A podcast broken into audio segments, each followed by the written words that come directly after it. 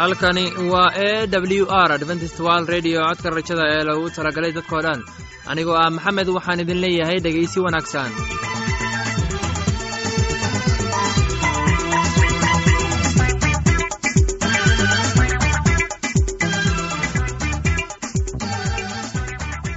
barnaamijyadeena maanta waa laba qaybood. Qaybta koowaad waxaad ku maqli doontaan barnaamijka nolosha qoyska. Uu inoo soo jeedinaya suleymaan kadib waxaa inoo raaci doona cashar inaga imanaya bugga nolosha. Uu inoo soo jeedinaya faarax. Labadaasi barnaamij ee xiisaha leh waxaa inoo dheeraysa daabacsan oo aynu idiin soo xulnay kuwaas aynu filayno inaad ka heli doontaan. Dhegeystayaasheena qiimaha iyo khadradda lahow waxaynu kaa codsanayna inaad barnaamijkeena si haboon u dhegeysataan haddii aad wax su'aalaha qabto ama adaysid wax tala ama tusaale fadlan inala soo xiriir dib aynu kaga sheegi doonaa ciwaankeenna bal intaynu guda gelin barnaamijyadeena xiisaha leh. Waxaad marka hore ku soo dhowaataan. Heestan daabacsan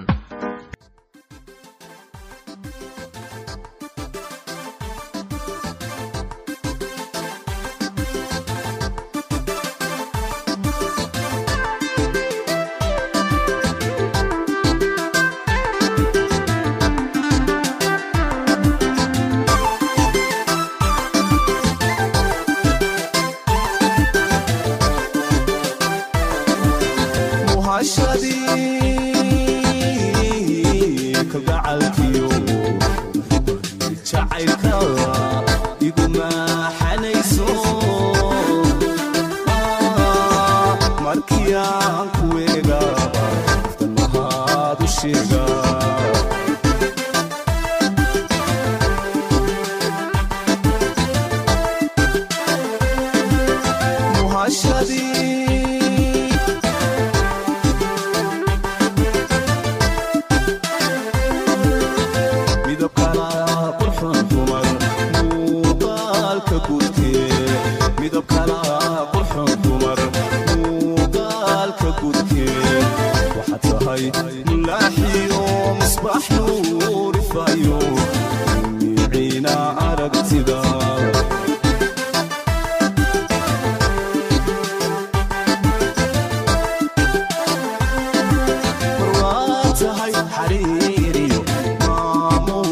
tahay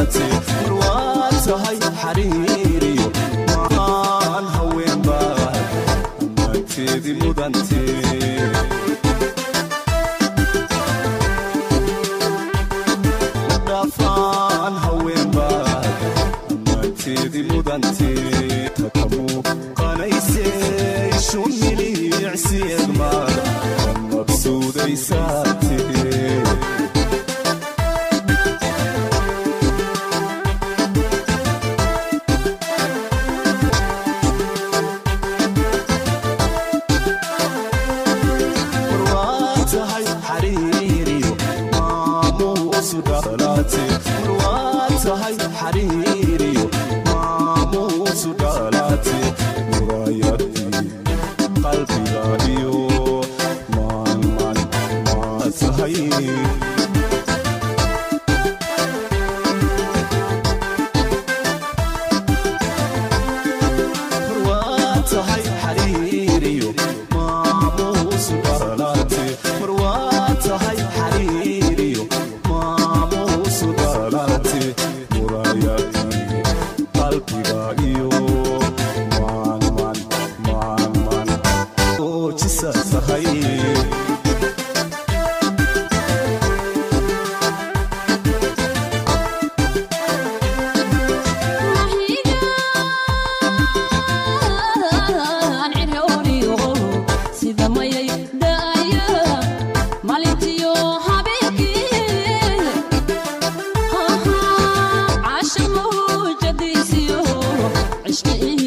شرع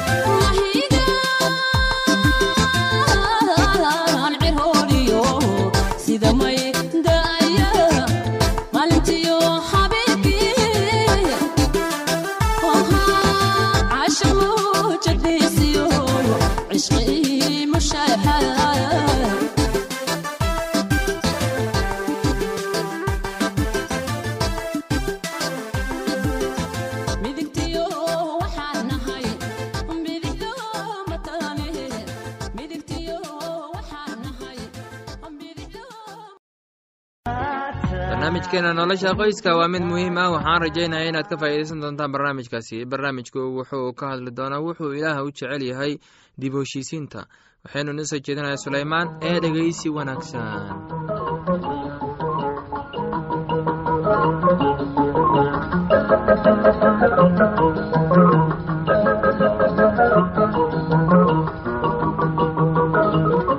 Dhegaystayaasheenna qiimaha iyo qaayaha lahow waxaan maanta doonayaa inaan ka hadlo dib u heshisiinta oo ahayd brograamkeenni taxanaha aynu mar dhoweyd bilownay.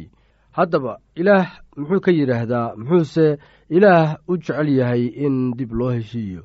Ilaah marnaba raalli kama aha in markaasi ay ummaddiisa iyo dadkiisa qowmiyadaha kala duwan ku kala nool ee uu abuurtay inay noqdaan kuwo mar walba dagaal ka shaqeeya oo mar walba isdilaa ilaah waxa uu inta badan nacbaystaa dhiigga daata waayo ilaah waxa uu dadka biniaadamka u abuuray si qaas ah oo aad qadarin u mudan. Waxaad la socotaan suuratulzaytuun inay ku jirto aayadda ugu dambaysa oo dhahaysa dadku waxaynu ka abuurnay wax la yidhaahdo axsanu taqwiim oo ah abuuridda tan ugu qiimaha badan. Laakiinse haddii muxuu ahay inay dadkii noqdaan sidii xoolihii ama xayawaankii oo isdilaan waxay noqonayaan dad aad u hooseeya oo waxay noqonayaan markaan idiin sheego isla aayaddaas muxuu ahayn asfal saafiliin kuwo muxuu ahayn aad iyo aad u hooseeya.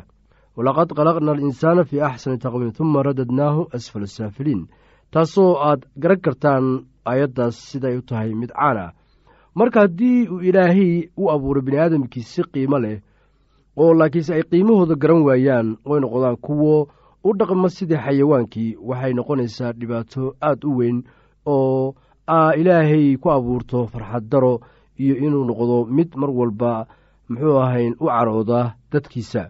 Waayo haddii qofka biniaadamka uu ka soo bixi waayo kaalintiisii bini'aadnimo oo ahayd mid aad u hoose u saraysa oo ka saraysa xayawaanka oo dhan oo isla markaasna loo xilsaaray inuu dunida ka taliyo oo ay noqdaan kuwa dunida amiirada looga dhigay. Sidaa awgeed hadday isdilaan oo sidii xayawaanka u dhaqmaan taasoo aan uga dan leeyahay kuwa xoolaha dadka dhaca kuwa dadka micnodarada u dilaya kuwa iyaga shilin ku dilaya qof iyo kuwa iyaga muxuu ahayn kufsadaa naagaha waxa ay kuwaasi noqonayaan kuwo bini'aadamnimadii gacantooda ay ka baxday. Haddaba waxaa loo baahan yahay in ilaah la dhegaysto ereyadiisa ereyadiisaas uu ku yidhi diimihiisa kala duwan taasoo uu dadka ugu baraarujiyey inay markaasi ka shaqeeyaan nabadgelyada oo ay noqdaan dad aad u tixgeliya nabadgelyada. Haddaba marka laysku soo noqonayo waa in qof walba uu ilaahiisa markaasi isagoo ku kalsoon oo islamarkaasna muxuu ahayn eryadiisa adeecaya waa markaasi oggolaadaa in dib loo heshiiyo. Waayo markaad dib ula heshiisid qof walaalkaaga ah oo ay waxda dhex mareen ilaah wuxuu aad ugu farxayaa muxuu ahayn arrintaas.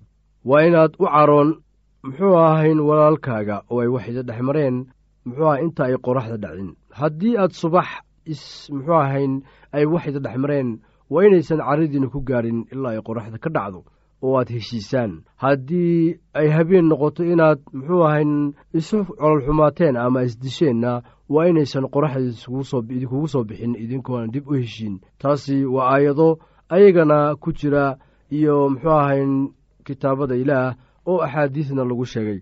Haddaba waxaa loo baahan yahay walaalayaal in aad markaasi si muxuu ahayn weyn u qadaysaan dib u heshiisiinta ama in dib laysugu soo noqdo.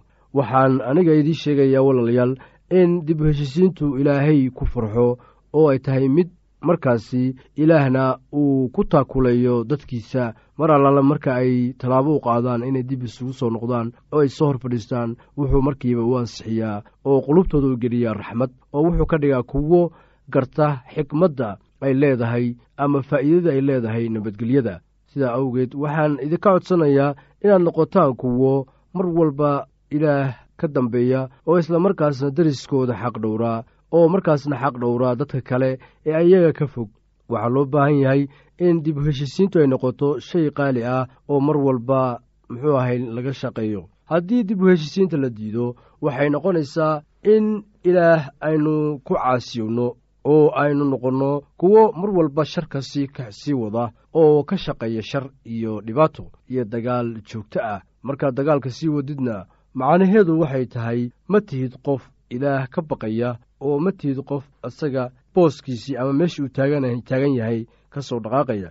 Haddaba haddii aynu doonayno in ilaah aynu noqonno kuwo si fiican u adeeca oo si wanaagsanna muxuu ahayn u caabuda waa inaan noqonnaa kuwo nabadgelyada aada uga taxadara waayo ilaah wuxuu qiimo weyn siiyey muxuu ahay dib u soo noqoshada waxaana loo baahan yahay bini aadamkuna in noqdaan kuwo qiimo weyn siiya in dib laysugu soo noqdo oo la heshiiyo. Waxaan filayaa inaad si haboon u dhegeysateen casharkaasi. Haddaba haddii aad qabto wax su'aal ah oo ku saabsan barnaamijka nolosha qoyska fadlan inala soo xiriir. Ciwaankeenna waa codka rajada sanduuqa boostada afar laba laba todoba lix nairobi kenya mar labaad ciwaankeenna waa codka rajada sanduuqa boostada afar laba laba todoba lix nairobi kenya. Waxaad kaloo inagala soo xiriiri kartaan emeilka somali e w r at yahu dt com. Mar labaad imeilka anagu waa somali e w r at yahu dt com. Haddana waxaad mar kale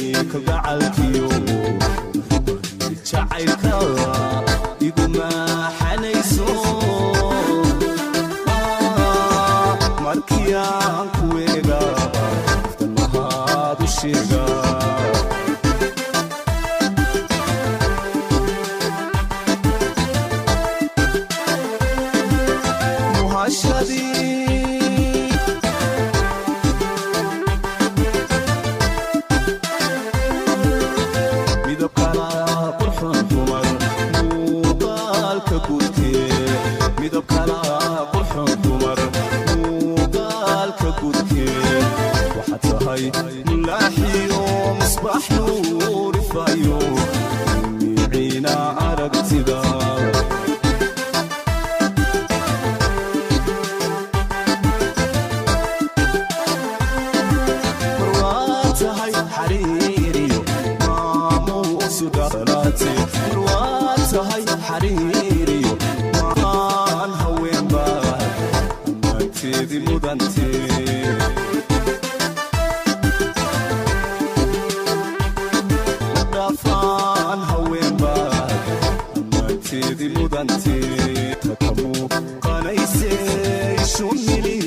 Qalbiga iyo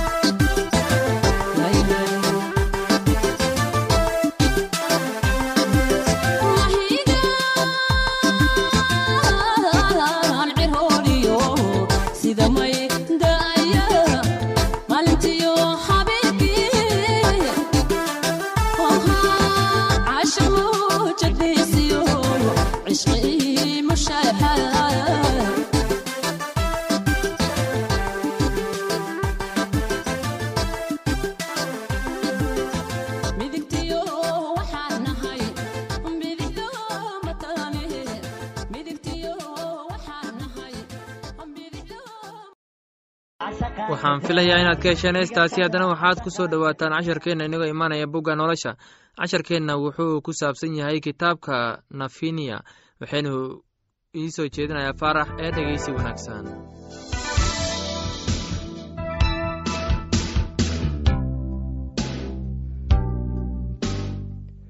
Dhegeystayaasheena qiimaha qadarinta mudano weli waxaan ku jirnaa kitaabkeenii sefaniya oo maalinta cadhada rabbiga lacagtooda iyo dahabkooda midna kama samata bixin doono iyaga. Laakiinse dalka oo dhan waxaa baabiin doona dabka qiiradiisa oo dhulka waxaa deggan oo dhanna haddiiba dhaqsiyuu u wada dhammayn doona. Isa soo urursada quruntan aan xishoodka lahaynay isa soo urursada intaan amarku soo bixin oo aan maalintu u dhaafin sida xaab oo kale intaan rabbiga xanaaqiisa kululu idinku soo degin intaan maalinta cadhada rabbigu idinku soo degin. Rabbiga doondoona dhammaantiin kuwiina camalka qabow ee dhulkow oo xukunkiisa yeelayow. Xaqnimo doondoona oo qabownaan doondoona. Waxaa laga yaabaa inaad maalinta cadhada rabbiga qarsoonaadaan doontaan waayo gaasa waxaa la dayrin doonaa oo ashqeloonna waxay noqon doontaa meel cidlo ah oo dadka ashdoodna waxaa la eryi doonaa hadh cad. Cayroonna waa la rujin doonaa waxaa iska hoogay dadka deggan badda xeebteeda waana quruunta reer keretiim kancaan oo ah dalka reer falastiinow rabbiga erigiisu waa kaagees waan ku baabiin doonaa si aan qof keliyuhuna kuu sii deganaan badda xeebteedu waxay noqon doontaa berimo daaqsin ah oo leh rug ari jiro iyo xeryo ari oo xeebta waxaa yeelan doonaa kuwa dadka yuhuudda ka haray iyana aryahooda ayay halkaas daaqsan doonaan oo fiidkiina waxay jiibsan doonaan guryihii reer ashqeel waayo ilaaha rabbigooda ah ayaa iyaga soo booqan doonaa oo maxaabiistoodiina wuu soo celin doonaa.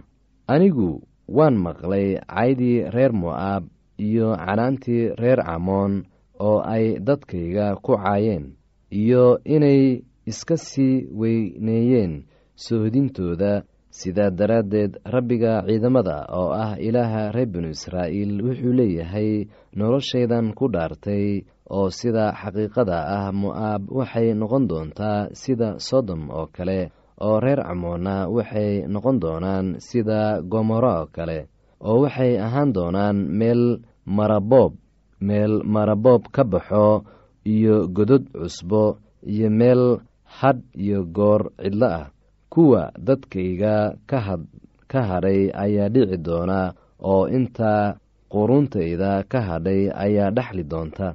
Kibirkoodii aawadiis ayay waxaan u heli doonaan maxaa yeelay waxay caayeen oo iska weyneeyeen dadkii rabbiga ciidamada.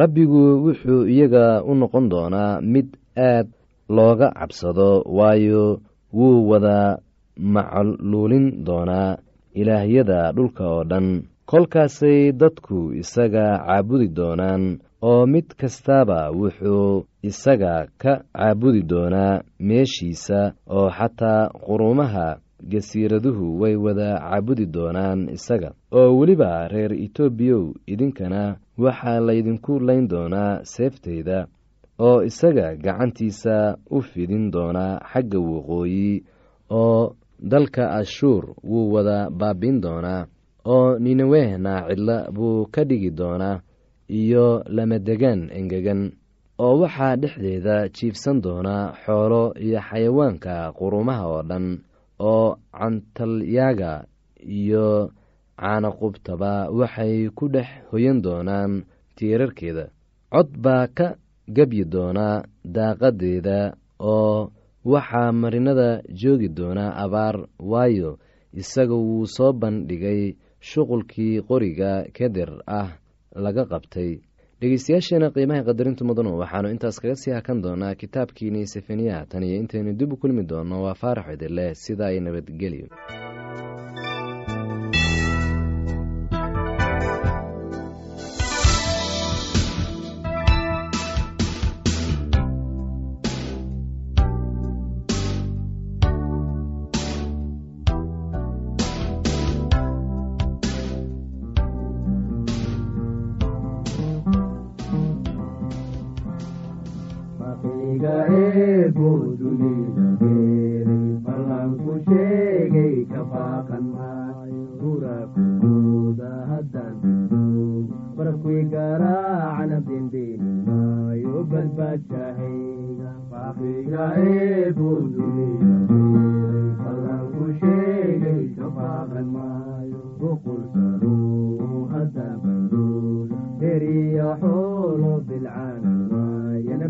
bendeenin maayo badbaadshahayga kaafiga eebuu dunida ballanku sheegay ka baaqan maayo hadlaydireeyo badlaydido urleyla dhacana bendeenin maayo badbaadshahayga kaafiga eebuu dunida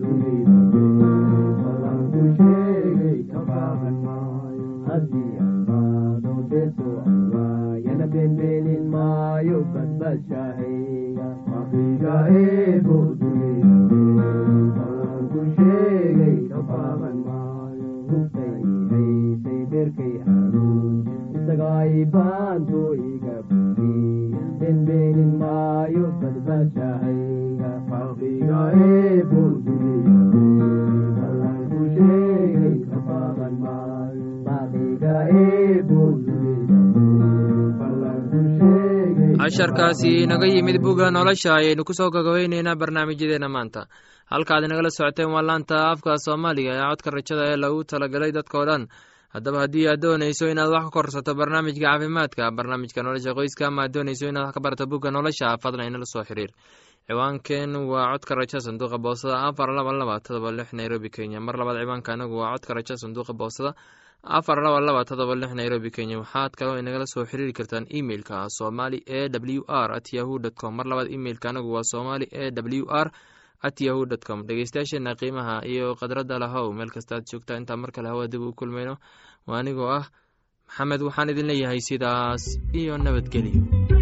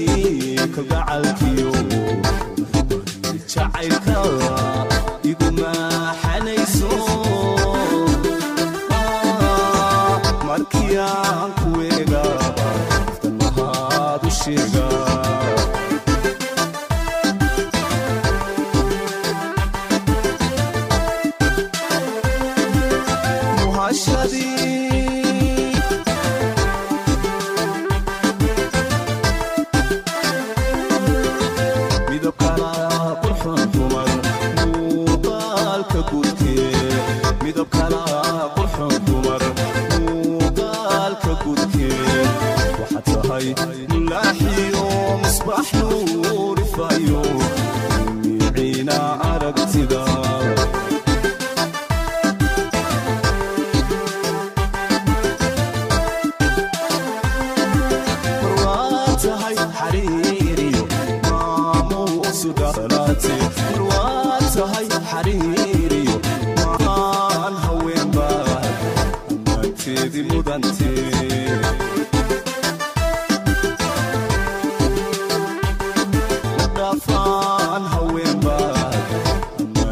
ammaanteedii mudantee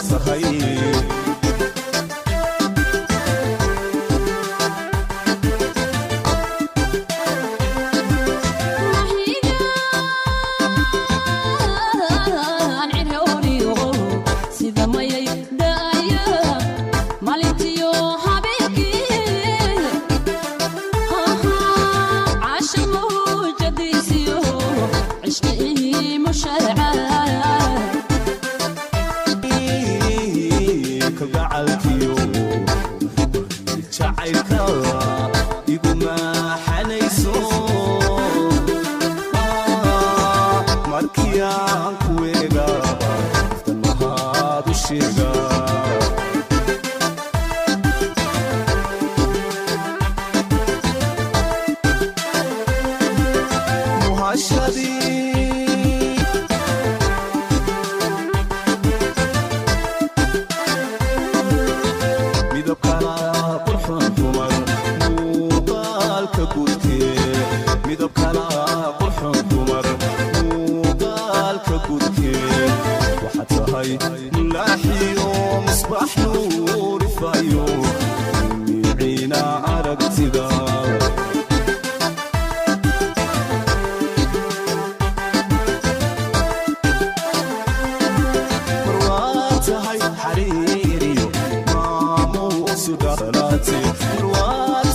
xariiriyo. Maan haweenbaa amaanteedi mudantee